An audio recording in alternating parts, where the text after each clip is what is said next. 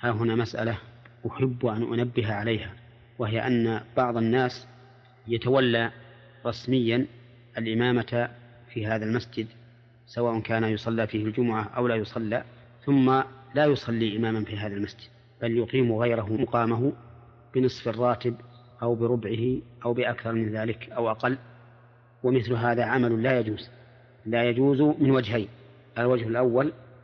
أن فيه أكلا للمال بالباطل فإن هذا الراتب الذي يأخذه هذا الذي لا يصلي يأكله بغير حق لأن هذا الراتب إنما جعل لمن يكون إماما في هذا المسجد وهذا الرجل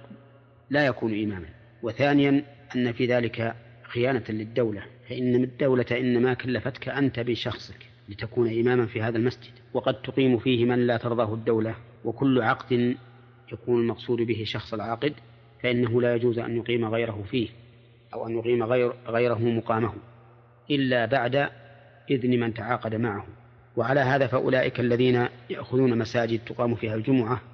ويقيمون غيرهم يصلي الصلوات الخمس فإذا جاءت الجمعة جاءوا فخطبوا وصلوا هؤلاء آثمون. وعليهم أن يتوبوا إلى الله عز وجل وأن يقوموا بمقتضى العقد الذي تعاقدوا به مع الدولة حتى يبرئوا بذلك ذممهم ويأكلوا مرتبا حلالا.